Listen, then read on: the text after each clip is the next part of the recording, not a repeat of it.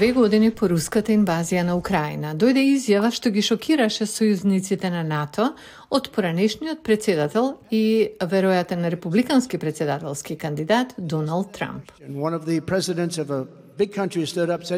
Еден од председателите на една голема земја стана и рече Господине, ако не платиме, а бидеме нападнати од Русија, ќе не заштитите? Реков, не платите? Дали сте деликвент? Тој рече, да, да речеме дека такво нешто се случи. Не, не би те заштитил. Всушност би ги охрабрил да прават што сакаат.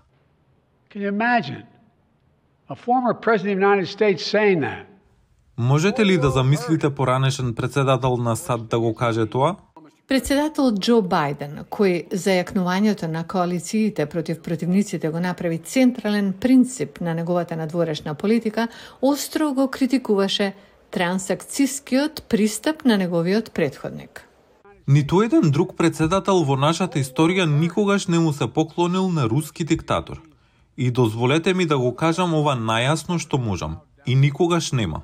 За волја на Бога тоа е глупаво, срамно, опасно и е неамериканско. Бајден вели дека ја поддржува светата посветеност според членот 5 на НАТО, кој бара од членките да си помагаат меѓусебно во случај на надворешен напад. Тоа е директен судар со Трамп, кој повторно се залага за неговиот бренд Америка на прво место. Повиците на Трамп предизвикаа вознамиреност кај сојузниците. Оваа година очекувам 18 сојузници да потрошат 2% од својот бруто домашен производ за одбрана. Тоа е уште еден рекорден број и шесткратно зголемување од 2014 година, кога само тројца сојузници ја исполнија целта. Високиот советник на кампањата на Трамп, Джейсон Милер, во изјавата за гласот на Америка рече дека Трамп ги натера нашите сојузници да ги зголемат трошоците за НАТО, барајки од нив да платат. Друг сојузник на Трамп, пензионираниот армиски генерал полковник Кит Келок, предложи степена алијанса во која членовите што не успеа да ја исполнат целта од 2% за одбрана, нема да бидат опфатени со заштитата од членот 5. Други пак велат дека сигналите од Трамп и неговите сојузници го надминале изолационизмот и се во спротивност со суштината на одвраќање. Trump is trying to win points through bravado. Трамп се обидува да освои поени преку храброст. Американска храброст на меѓународна сцена е неверојатно моќно за американските пријатели.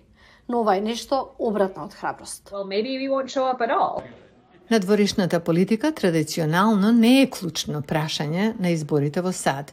Меѓутоа, со удирањето на Трамп врз НАТО, поширокото прашање за улогата на Америка во светот ке стане уште еден јаз меѓу гласачите. Тоа е многу политизиран. Го користи Трамп за да ја засили својата база, но постои основно разбирање меѓу американците дека самата алијанса е важна.